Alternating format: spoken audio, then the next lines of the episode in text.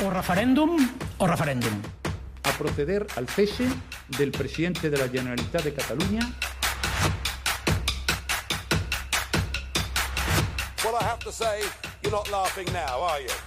Catalunya, hem guanyat les eleccions! de fer un pas al costat, de no presentar-me com a candidat de Junts pel Sí a la reelecció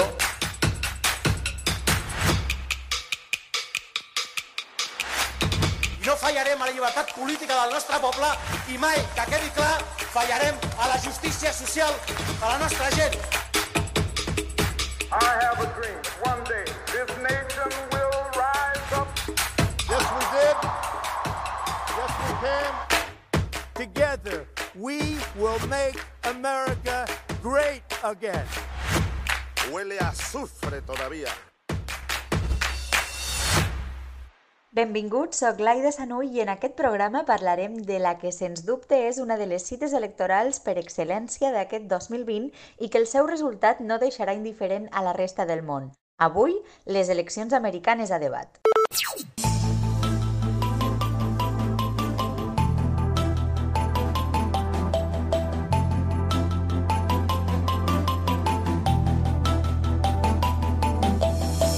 Queda una setmana per saber qui guanyarà aquesta carrera presidencial a la Casa Blanca i tot i que aquests últims dies Joe Biden està liderant totes les enquestes, ara fa 4 anys, aquestes mateixes enquestes donaven per guanyadora la candidata del Partit Demòcrata Hillary Clinton.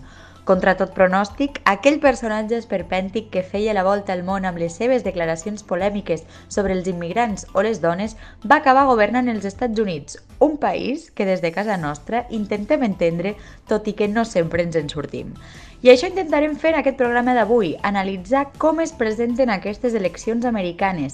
I per fer-ho, començarem amb una entrevista amb la Claire Girolo, una americana que viu a casa nostra, a Catalunya, i que coneix de prop els conflictes racials que s'han accentuat aquests darrers mesos als Estats Units. I a la segona part, a la taula d'anàlisi, comptarem amb dos dels nostres col·laboradors habituals, en Carles Badenes i en Miquel Vila, i avui amb un invitat especial que coneix bé la política exterior americana i que ens ajudarà també a trobar aquestes claus, l'Àngel Ferrero. En un món on tenim la sensació que cada vegada importa menys què és la veritat i què és la mentira perquè sembla que només vulguem escoltar el que nosaltres pensem, les incerteses sobre què determinarà el vot dels americans i les americanes és tota una incògnita. Trump o Biden? La resposta la coneixerem la matinada del dimarts 3 a dimecres 4 hora catalana i fins que no la coneguem, en aquests empasses intentarem situar les eines per saber interpretar-la. Comencem! Doncs hem volgut començar el programa d'avui parlant amb la Claire Girolo, que és de Berkeley, de Califòrnia, tot i que ara mateix està vivint a Barcelona. La Claire va estudiar Economia, Sociologia, Demografia i de Creixement i ara mateix està treballant en una organització que es diu Forward Together, que és una organització que té com a objectiu augmentar la representació de persones transexuals i de dones negres, indígenes i migrades i, i des d'aquesta organització treballen per assegurar drets i recursos perquè les seves comunitats puguin créixer. Primer de tot, hola Claire i gràcies per acceptar aquesta invitació i benvingudes en Passes. Moltes gràcies. Com dèiem, hem volgut començar fent aquesta entrevista perquè ens agradaria que ens situï una mica en un dels temes que sense cap mena de dubte ha protagonitzat la política americana aquests últims anys, que és la política migratòria de Donald Trump, i també davant de les protestes contra els abusos policials i racistes que ha hagut aquests últims mesos als Estats Units. La legislatura de Trump ha estat marcada en gran part per la seva política migratòria i les seves declaracions polèmiques i sovint racistes. En quina mesura ha contribuït, eh, Claire, a, a enrarir la convivència o ha contribuït a la polarització aquesta posició de Trump en relació als immigrants? Eh, doncs primer, eh, és important diferenciar el discurs del president amb les seves, seves accions i tenir, cal tenir en compte el context polític que hi ha darrere de qualsevol president. Eh, Obama, per exemple, no tenia un discurs molt antimigrant, però durant els primers quatre anys va deportar més gent que, que l'administració anterior i també posterior. Va deportar més d'un milió, un milió de persones. També és veritat, però, que Obama va aprovar un programa que permet que immigrants joves puguin aplicar per un tràmit evitar la deportació i aquest any el Trump va intentar derogar aquest programa a la Cort Suprema i va perdre. De fet, Trump no ha pogut aplicar tota la legislació que havia promès. Però el discurs racista de Trump ha desvelat i ha aixecat una part de la població, una facció supremacista blanca eh, que encara està molt viva al país. I això sí que complica la convivència i fa molta por. I també ens fa qüestionar de quina manera mm, confrontar aquesta actitud quan el supremacisme blanc és una ideologia que va néixer als Estats Units com a projecte colonial. Està calcificat en moltes institucions i encara és bastant acceptat dins d'uns cercles socials. No sé si hi ha hagut un canvi significatiu respecte a governs anteriors en, en qüestions com el racisme estructural, la brutalitat policial o les polítiques migratòries, o si bé ha estat un canvi en el discurs i en la defensa explícita de certes injustícies. El racisme estructural i la brutalitat policial de sempre existeix sempre, tot i que funcionen i canvien els i que molt popular capitalisme colonial dels, dels Estats Units. Per exemple, la primera policia eren patrulles d'esclaus. Avui en dia, òbviament, l'esclavitud és il·legal, però hi ha més de 2 milions de persones a la presó, sobretot gent negra i gent de color que treballin per pocs cèntims l'hora i quan surtin de la presó no tinguin dret a votar mai més en la vida.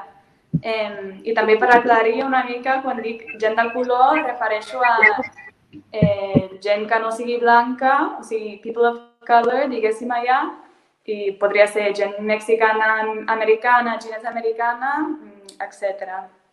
Doncs tot això canviarà, o sigui, canvi depèn de la consciència popular i la tolerància d'aquesta violència. I ara estem vivint un moment als Estats Units quan la gent està dient pro, no? pro a violència racista quotidiana i estructural, pro de policia assassinant gent negra, pro de sentències d'anys de presó per delictes no violents, pro de lleis urbanístiques que mantenen la segregació i l'acumulació de riquesa blanca i pro d'un sistema que criminalitza ser negre, ser migrant, ser pobre.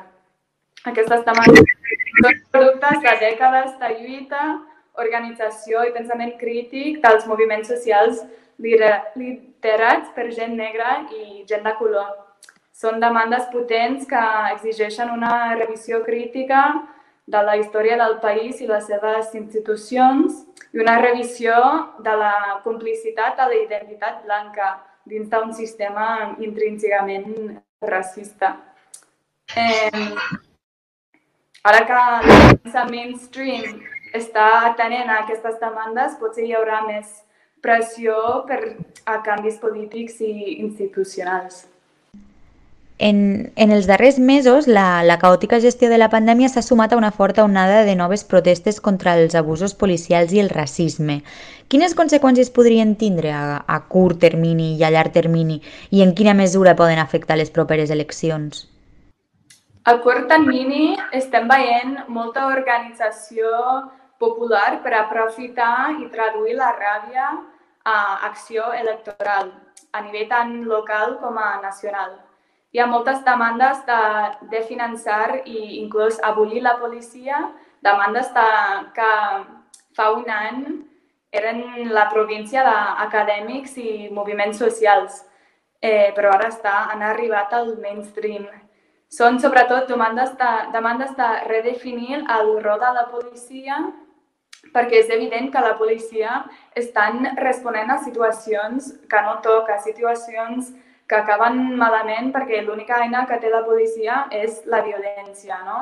Són demandes de treure la policia de les escoles, treure la policia dels àmbits de serveis socials com la salut mental i, i sensellarisme, per exemple. I amb aquests diners, o sigui, els sous de la policia, invertir a l'educació i en serveis socials per començar a tractar desigualtats sistemàtiques des del, des de l'arrel. També hi ha molt caos amb les noves mesures de votar per correu. que compliquen les indicacions de com, quan, a on es pot votar. La gran majoria de les mesures són facilitades pel Partit Republicà i estan vinculades amb una història llarga de dificultar el vot de grups minoritaris que tendeixen a votar pel Partit Demòcrata. En general, hi ha molta preocupació eh, per la supressió de vots i les conseqüències que pugui tenir. El mateix està passant amb el cens que està passant aquest any, que tindrà moltes implicacions polítiques perquè determina totes les dades demogràfiques pels propers 10 anys i determina com es dibuixen els districtes polítics i eh, com poblacions majoritàries de, de cada partit. A llarg termini, crec que hi haurà respostes polítiques a les demandes per un estat de, de benestar real i drets fonamentals. Estem parlant d'un sistema sanitari universal i pensions públiques, per exemple, coses que són necessàries mentre les coses van bé, però són imprescindibles quan les coses van malament, no? una situació desastrosa com l'actual. I potser aquestes respostes vindran acompanyades amb un discurs polític més d'esquerres, però potser també vindran com a respostes logístiques en moments de crisi. Trump, per exemple, va augmentar l'atur i va enviar xecs a cada ciutadana durant el virus, que en qualsevol altre moment seria hagués nombrat una política socialista, no? un primer pas cap a un sou universal. En quina mesura creus, Claire, que les grans figures demòcrates han estat capaces d'articular aliances entre distintes minories o de mobilitzar el rebuig al conglomerat racista al voltant de, de Trump? Han sigut capaços d'articular aquestes, aquestes aliances?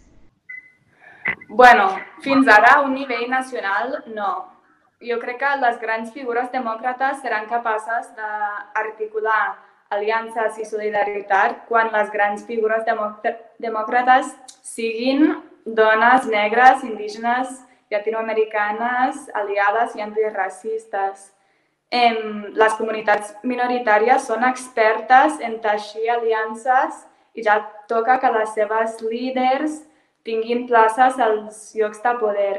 Això sí que està passant a un nivell eh, a cambres legislatives i a la política local i a nivell de l'Estat i també nacional. Eh, polítiques com Stacey Abrams, Ilhan Omar, Alexandria Ocasio-Cortez estan desafiant i transformant la identitat del Partit Demòcrata i, per exemple, després de l'assassinat policial de Michael Brown i els disturbis i també el naixement del moviment Black Lives Matter en la ciutat de Ferguson, Missouri, va triar la primera alcaldessa negra, Ella Jones. Eh, estem parlant de, de victòries històriques, no? I estem en un moment d'alta dualitat amb un home blanc racista a la Casa Blanca però amb més representació que mai de, de dones negres i, i de color. I per últim, Claire, m'agradaria preguntar-te quins canvis es poden esperar d'un futur govern Biden en cas que arribi a guanyar. Bueno, res radical.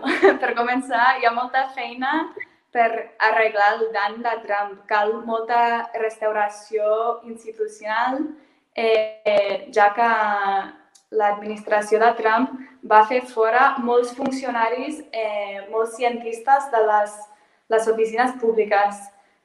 També hi ha la pandèmia i l'economia està realment mm, malament.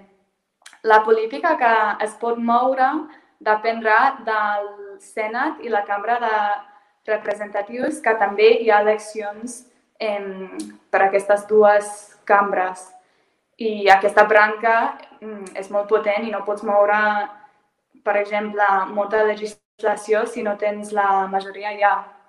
En el cas que guanyi Biden i també el Senat i la Cambra estiguin governades pel Partit Demòcrata, que sí que és una possibilitat aquest any, podríem veure l'aprovació de legislació molt interessant eh, que Biden firmaria per inèrcia.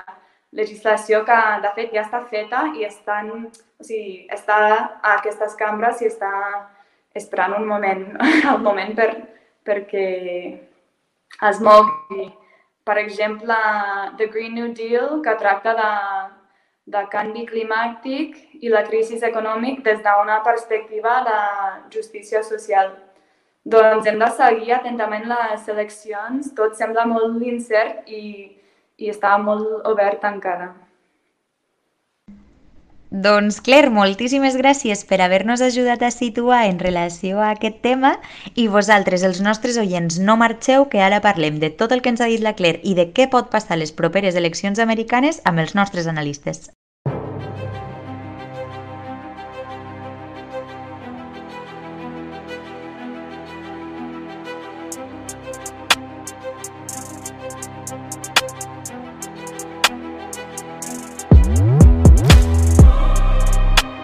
Doncs ara sí, comencem la nostra taula d'anàlisi, que com us he dit al principi del programa, avui comptem amb un invitat extra. Ell és l'Àngel Ferrero, periodista i traductor i col·laborador de diversos mitjans de comunicació, com ara Público o a la secció de política exterior del Salto, i que també és membre del Consell Editorial de la revista Catarsi.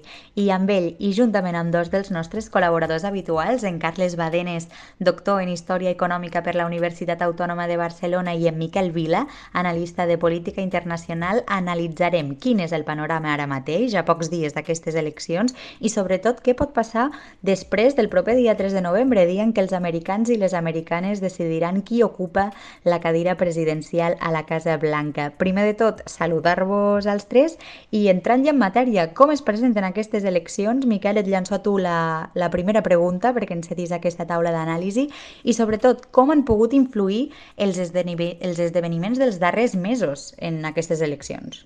Bé, doncs són unes eleccions que segurament, si les anteriors van ser prioritzades, jo crec que aquestes ho han estat més, i es presenten en un context estrany, és a dir, en un cert context com de caos generalitzat.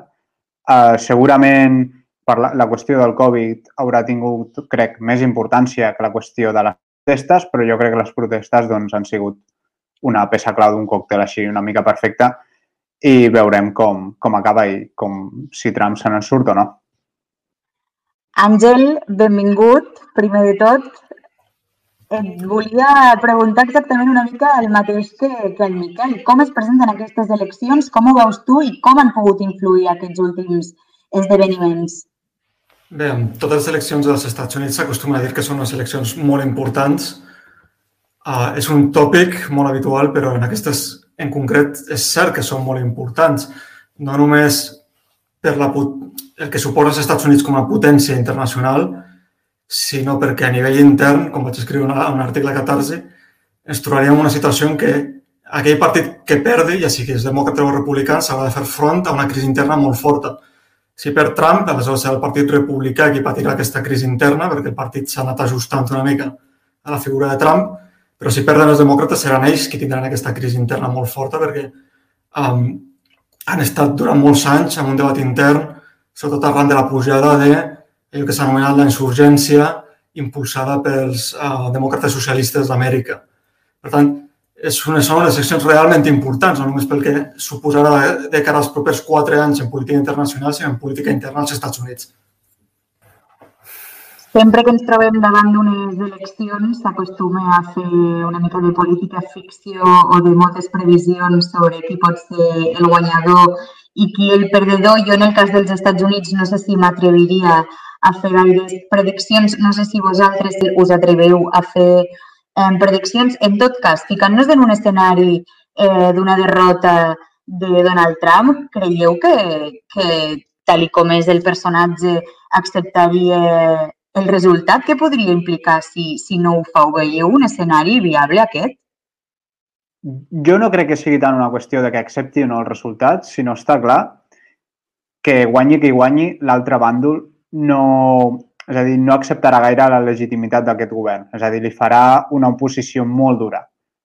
Uh, I això és a dir, la mateixa oposició que li han fet els demòcrates a en Trump, que abans li van fer republicans a l'Obama, I, clar, i aquesta, ja portem uns anys amb aquesta tessitura i jo crec que, que la situació anirà una mica per aquí. És a dir, independentment de que jo no crec, sincerament, que Donald Trump eh, no vagi a acceptar els resultats o si en cas de que no els accepti, no sé si algú li farà gaire cas, no?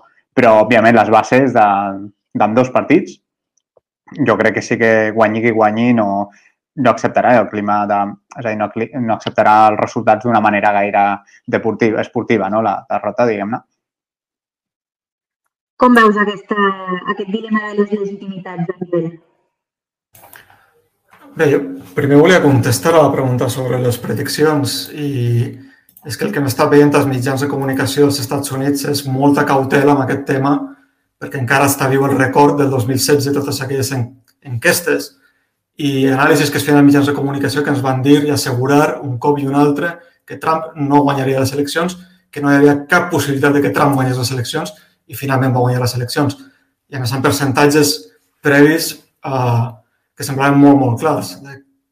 Una possibilitat de victòria de Clinton de 50, 60, 70%, i això no va passar.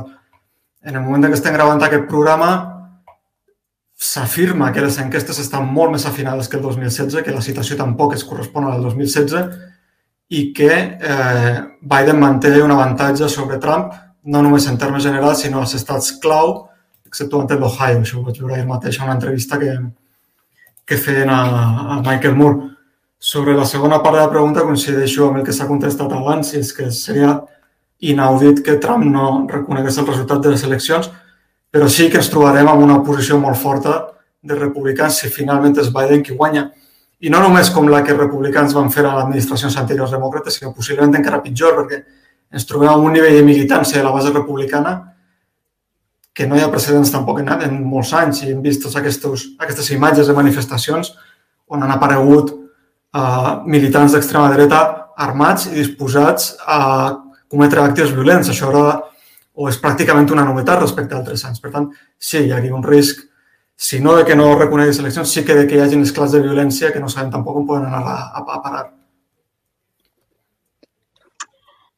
Anant una mica més del paper dels Estats Units a, a escala global, Donald Trump ha representat un cert distanciament respecte a l'ordre multilateral global, ha tingut conflictes amb l'Organització Mundial del Comerç, amb la Unió Europea, també ha sigut molt protagonista a la seva legislatura aquesta ruptura de l'acord comercial amb el, amb el sud-est asiàtic, un cert discurs molt proteccionista no? que, que també ha sigut un, un tret distintiu de, de la política de Trump. Carles, et pregunto a tu ara en concret, està en joc l'hegemonia dels Estats Units a escala global? Creus que podem fer una afirmació com aquesta?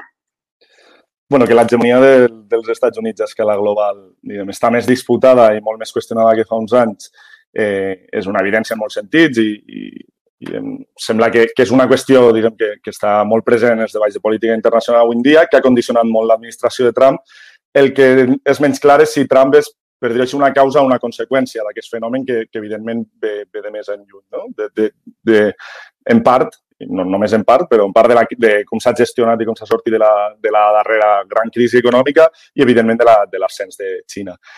El que sí que està clar és que Trump representa una manera d'afrontar aquesta situació, eh, una manera de donar resposta que és aquesta crisi i aquest qüestionament de l'hegemonia nord-americana i que segurament és en el pla econòmic on això, on això ha tingut eh, uns impactes més clars i més visibles, no? tant en l'aposta més pel bilateralisme i per les famoses guerres comercials, eh, com, diguem, jo crec que abandonar en cert sentit les formes de lideratge que tradicionalment havien tingut els Estats Units com a gran força globalitzadora i com a gran eh, hegemon del, de, de les institucions de governança de la global, de, del mercat global no? i de la globalització.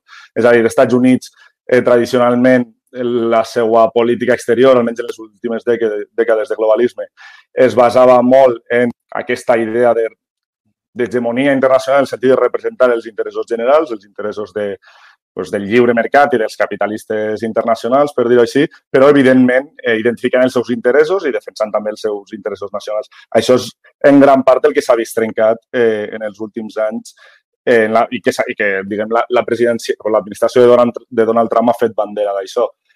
si, si Biden o si la possible victòria de Biden representaria un canvi absolut en aquesta tendència, és més, evidentment és difícil de dir i en qualsevol cas s'enfronta al fet que hi ha causes estructurals que expliquen això. És a dir, no és la simple voluntat o la irracionalitat de Trump el, el, que, el que ha conduït aquesta, aquesta política. De fet, té tota una estratègia al darrere, no? de la qual, si voleu, en parlem més després. M'agradaria, Àngel i Miquel, que, que m'expliquéssiu una mica si vosaltres podeu identificar eh, diferències en quin seria l'impacte eh, o quins impactes pot tenir sobre l'ordre internacional i sobre el conjunt de l'economia global l'elecció d'un o d'altre, és a dir, de Biden o Trump, si identifiqueu realment que, que pugui haver un impacte diferent en funció de, de qui acabi guanyant aquestes eleccions. Clar, jo pel factor econòmic crec que també, i, re, i retornant una mica el, amb la pregunta que un amic que començàvem abans, no? que parlàvem sobre l'oposició i la polarització a nivell intern dels Estats Units, hem de recordar que el sistema nord-americà és diferent al nostre. És a dir, tu tens un president, però després tenim una càmera que és el Senat i una altra càmera que és el, que és el Congrés, que ja és on es decideixen també polítiques eh, econòmiques molt importants.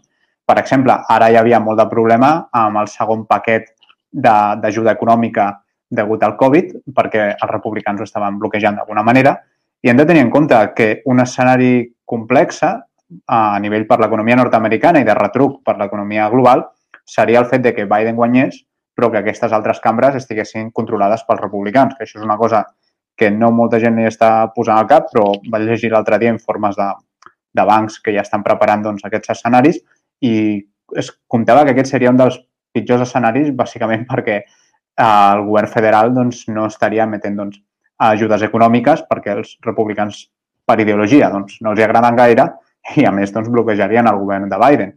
En canvi, els demòcrates, en, cam en canvi, encara que estigués en Trump, per ideologia, doncs, se suposa que són més proclius no? a, donar, a donar aquestes ajudes. I jo crec que aquest és un factor important a combinar, perquè això al final tindria un impacte global i no només un impacte global a nivell de, del pes de l'economia nord-americana, sinó també d'exemple. És a dir, actualment, doncs, per als sectors més, diguem-ne, més frugals a nivell de la Unió Europea, doncs el fet que els Estats Units tingui doncs, una, comenci una campanya, una política d'estímuls, doncs a nivell del debat polític dona més, més aire. En canvi, de que no ho faci, doncs, a, doncs al final doncs, això faria que aquest argument no, no fos tan fort. I jo crec que són ele altres elements, més enllà de la política exterior clara, que ens ensenyen també com aquestes diferents eleccions que es donen als Estats Units també acaben tenint un efecte en com es fa política, com a mínim, a nivell del món occidental. Més enllà tenen uns altres efectes, no? I jo crec que això seria un, un dels impactes que seria interessant, més del que s'ha comentat, i això crec que és interessant posar-ho sobre la taula.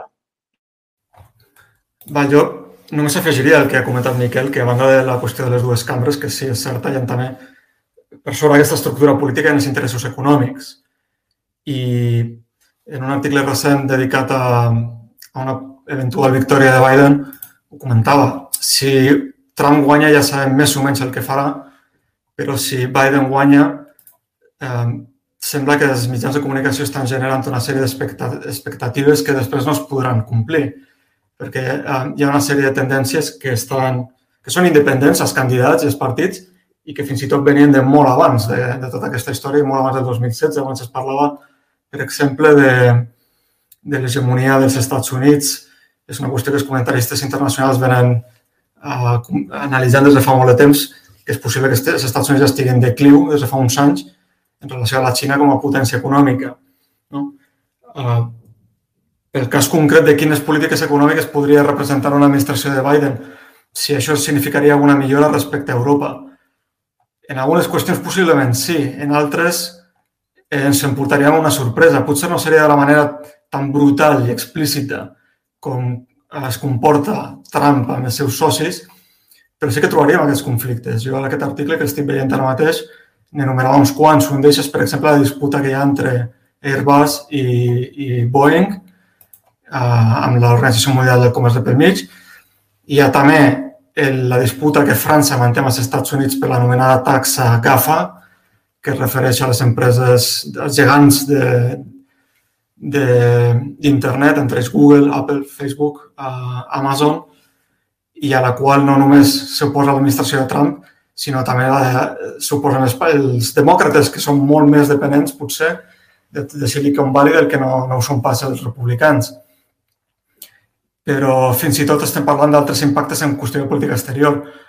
Em sembla que era ahir mateix que Biden va fer una entrevista als 60 minuts li van preguntar quins eren els enemics dels Estats Units i va respondre que l'adversari era Rússia mentre que el competidor era la Xina.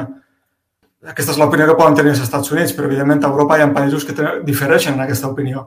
No només perquè Alemanya ja estat, ja ha donat mostres de no voler implicar-se en aquest conflicte dels Estats Units amb la Xina pel que fa a la guerra comercial o la instal·lació de les xarxes 5G a Europa, sinó també perquè altres països, també Alemanya novament, depenen molt de Rússia pel que fa a la, importació d'energia. Per tant, en aquestes qüestions seguirien havent-hi diferències entre Europa i els Estats Units.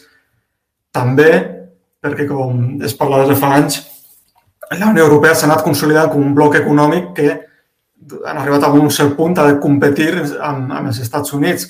Ja ho hem vist tots aquests anys amb les declaracions que ha fet Trump amenaçant amb imposar arancels a la importació d'automòbils alemanys, per exemple.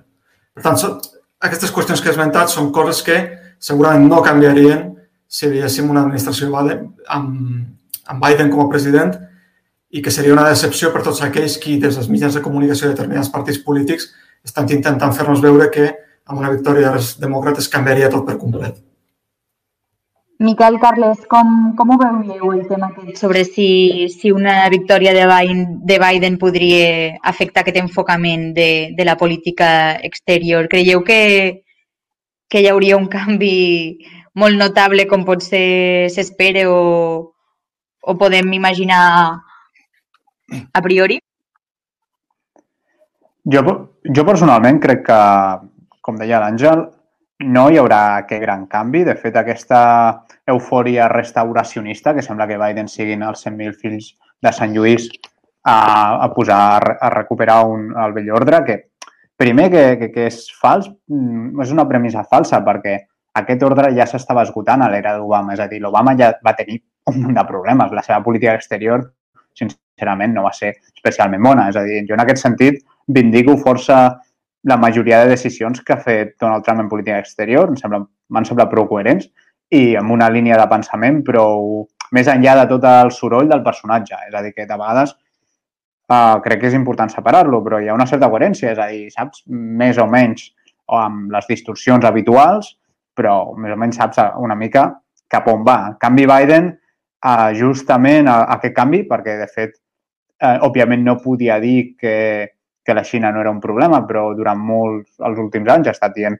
això que compartia que sí, que la Xina era un problema. Criticava la manera de com Donald Trump havia gestionat la qüestió de la competició amb la Xina, però no havia sigut capaç d'oferir tampoc una alternativa clara a quines coses diferents faria eh, reals, més enllà de, de qüestions més ideològiques o de ser més, treballar més amb els aliats. I això eh, comencen a haver causes estructurals, és a dir, l'esgotament que plantejava abans el Carles estava allà, no canviarà això, de fet jo crec que s'ha aprofundit.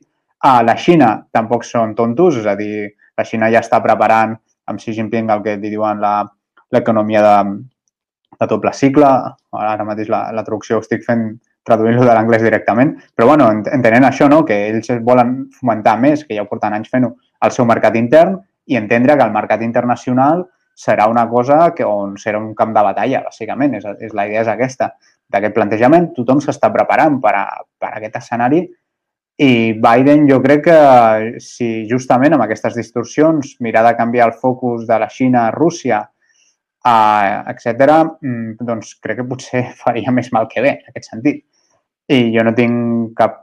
bueno, jo no crec que el canvi sigui tant i els canvis que proposa, de fet, em semblen que anirem cap a una situació de més complexitat i no pas de, de mirar a solucionar algunes qüestions que potser caldria posar sobre la taula.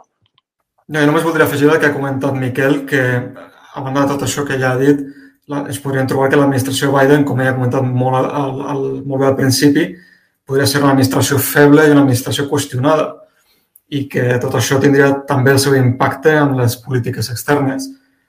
Um, tota aquesta inestabilitat impediria, en certa manera, a l'administració portar a terme aquelles polítiques que estan prometent ara mateix. I no en darrer lloc, jo tindria en compte, no, no, és, no em sembla gens superficial esmentar-ho, és l'edat avançada del propi Biden, que són eh, de 77 anys, estic llegint ara mateix, i ell mateix s'ha vist obligat a dir que si guanya aquestes eleccions la seva serà una presidència d'una sola legislatura i que serà una presidència de transició per donar pas a una generació més jove, si és que guanya. Hem tocat molts temes, eh, dubtes sobre la taula perquè és cert que, que és gairebé imprevisible el que pot passar. Tot i això, m'agradaria, abans d'acabar la taula d'anàlisis, que poguéssiu acabar amb una conclusió, cadascun de, de vosaltres, que em sintetitzéssiu amb, amb una idea que, que destacaríeu davant d'aquestes eleccions del proper 3 de novembre. Tu mateix, Àngel. No, jo destacaria una idea que ja he comentat abans i és sobretot que no s'utilitzi a, a Joe Biden com una mena de pantalla de projecció. És a dir, que no s'impulsa aquesta idea que si guanya Biden es restaurarà la situació prèvia que hi havia amb Obama a tots els nivells i es farà d'una manera ràpida i indolora, sinó que aquests quatre anys el que ha passat és que han canviat moltes coses als Estats Units i el món ha canviat amb els Estats Units per dinàmiques eh, autònomes als Estats Units ho comento també no només pel que pugui significar aquest, els resultats d'aquestes eleccions allà, sinó quin impacte pugui tenir aquí a Europa, perquè una de les coses que s'ha avançat és que una derrota de Donald Trump afectaria a tots aquells partits anomenats, o mal, millor dit, mal anomenats populistes a, a Europa. I cal recordar que l'ultradreta europea, tot i que una part d'ella, com a mínim, sí que ha intentat reflectir-se amb, amb el fenomen de Donald Trump als Estats Units, també és molt per dinàmiques pròpies. Aleshores, no, sobretot no deixar-se arrossegar per aquesta idea de que una eventual victòria del Partit Demòcrata significaria una restauració de la situació anterior a la victòria de Trump el 2016. Carles, la teva conclusió del programa d'avui. Sí, jo diria que la ironia que es presenta és que segurament la, la mateixa pandèmia que pot fer que Trump perdi les eleccions, això ja ho veurem, en els propers dies o d'aquí molt poc, però aquesta mateixa pandèmia que li pot fer perdre les eleccions podria fer que, en certa manera, triomfarà les seues propostes o la seva visió d'un nou ordre econòmic internacional i el tipus de polítiques que, si més no, de cara la, al mercat mundial i a, la, i a les relacions econòmiques internacionals impulsa Trump. No? Un, re, un retorn o un estatisme fort però fa molt favorable a l'acumulació de capital i als rics, una gestió de la crisi econòmica encara més favorable als, als que més tenen, eh, la idea de ser proteccionisme i de recuperació de la producció industrial i fins i tot de la competència eh, més entre estats per damunt o, o al costat de la cooperació, per dir així. I, Miquel, la teva conclusió del programa d'avui? Bé, mm, jo crec que el que diria és que independentment de qui guanyi, als Estats Units a nivell social seguiran bàsicament trinxats com estan actualment, és a dir, aquesta polarització social uh, no, no canviarà, no hi haurà, perquè ni Trump ni Biden són candidats que puguin construir aquest middle ground entre els diferents bàndols i, i, no sé fins a quin punt això és possible, perquè de fet als Estats Units això sempre ha sigut molt complicat de fer. A nivell internacional, com comentaven els companys, crec que hi ha una qüestió estructural i la diferència d'aquí entre Biden i Trump és que Trump com a mínim acceptava que estàvem ja en un, en un món multipolar on l'ordre unipolar dels Estats Units ja no es podia mantenir i, i Biden jo crec que el que veurem és en un principi un intent, és a dir, en el millor escenari pels que tens esperances amb ell, doncs un intent de, de recuperar l'ordre anterior, però ràpidament crec que això no arribarà en lloc i que tindrem unes polítiques no gaire diferents a les de Donald Trump a nivell internacional. Doncs ho deixem aquí, això és tot per part nostra. Caldrà veure què passa aquest proper 3 de novembre. Segur que tindrem altres programes on poder parlar-ne perquè el que passarà als Estats Units, per sort o per desgràcia, tindrà impacte arreu del món. I aquí estarem per poder-ho analitzar. Això és tot per avui, ens escoltem al proper 100 Passes.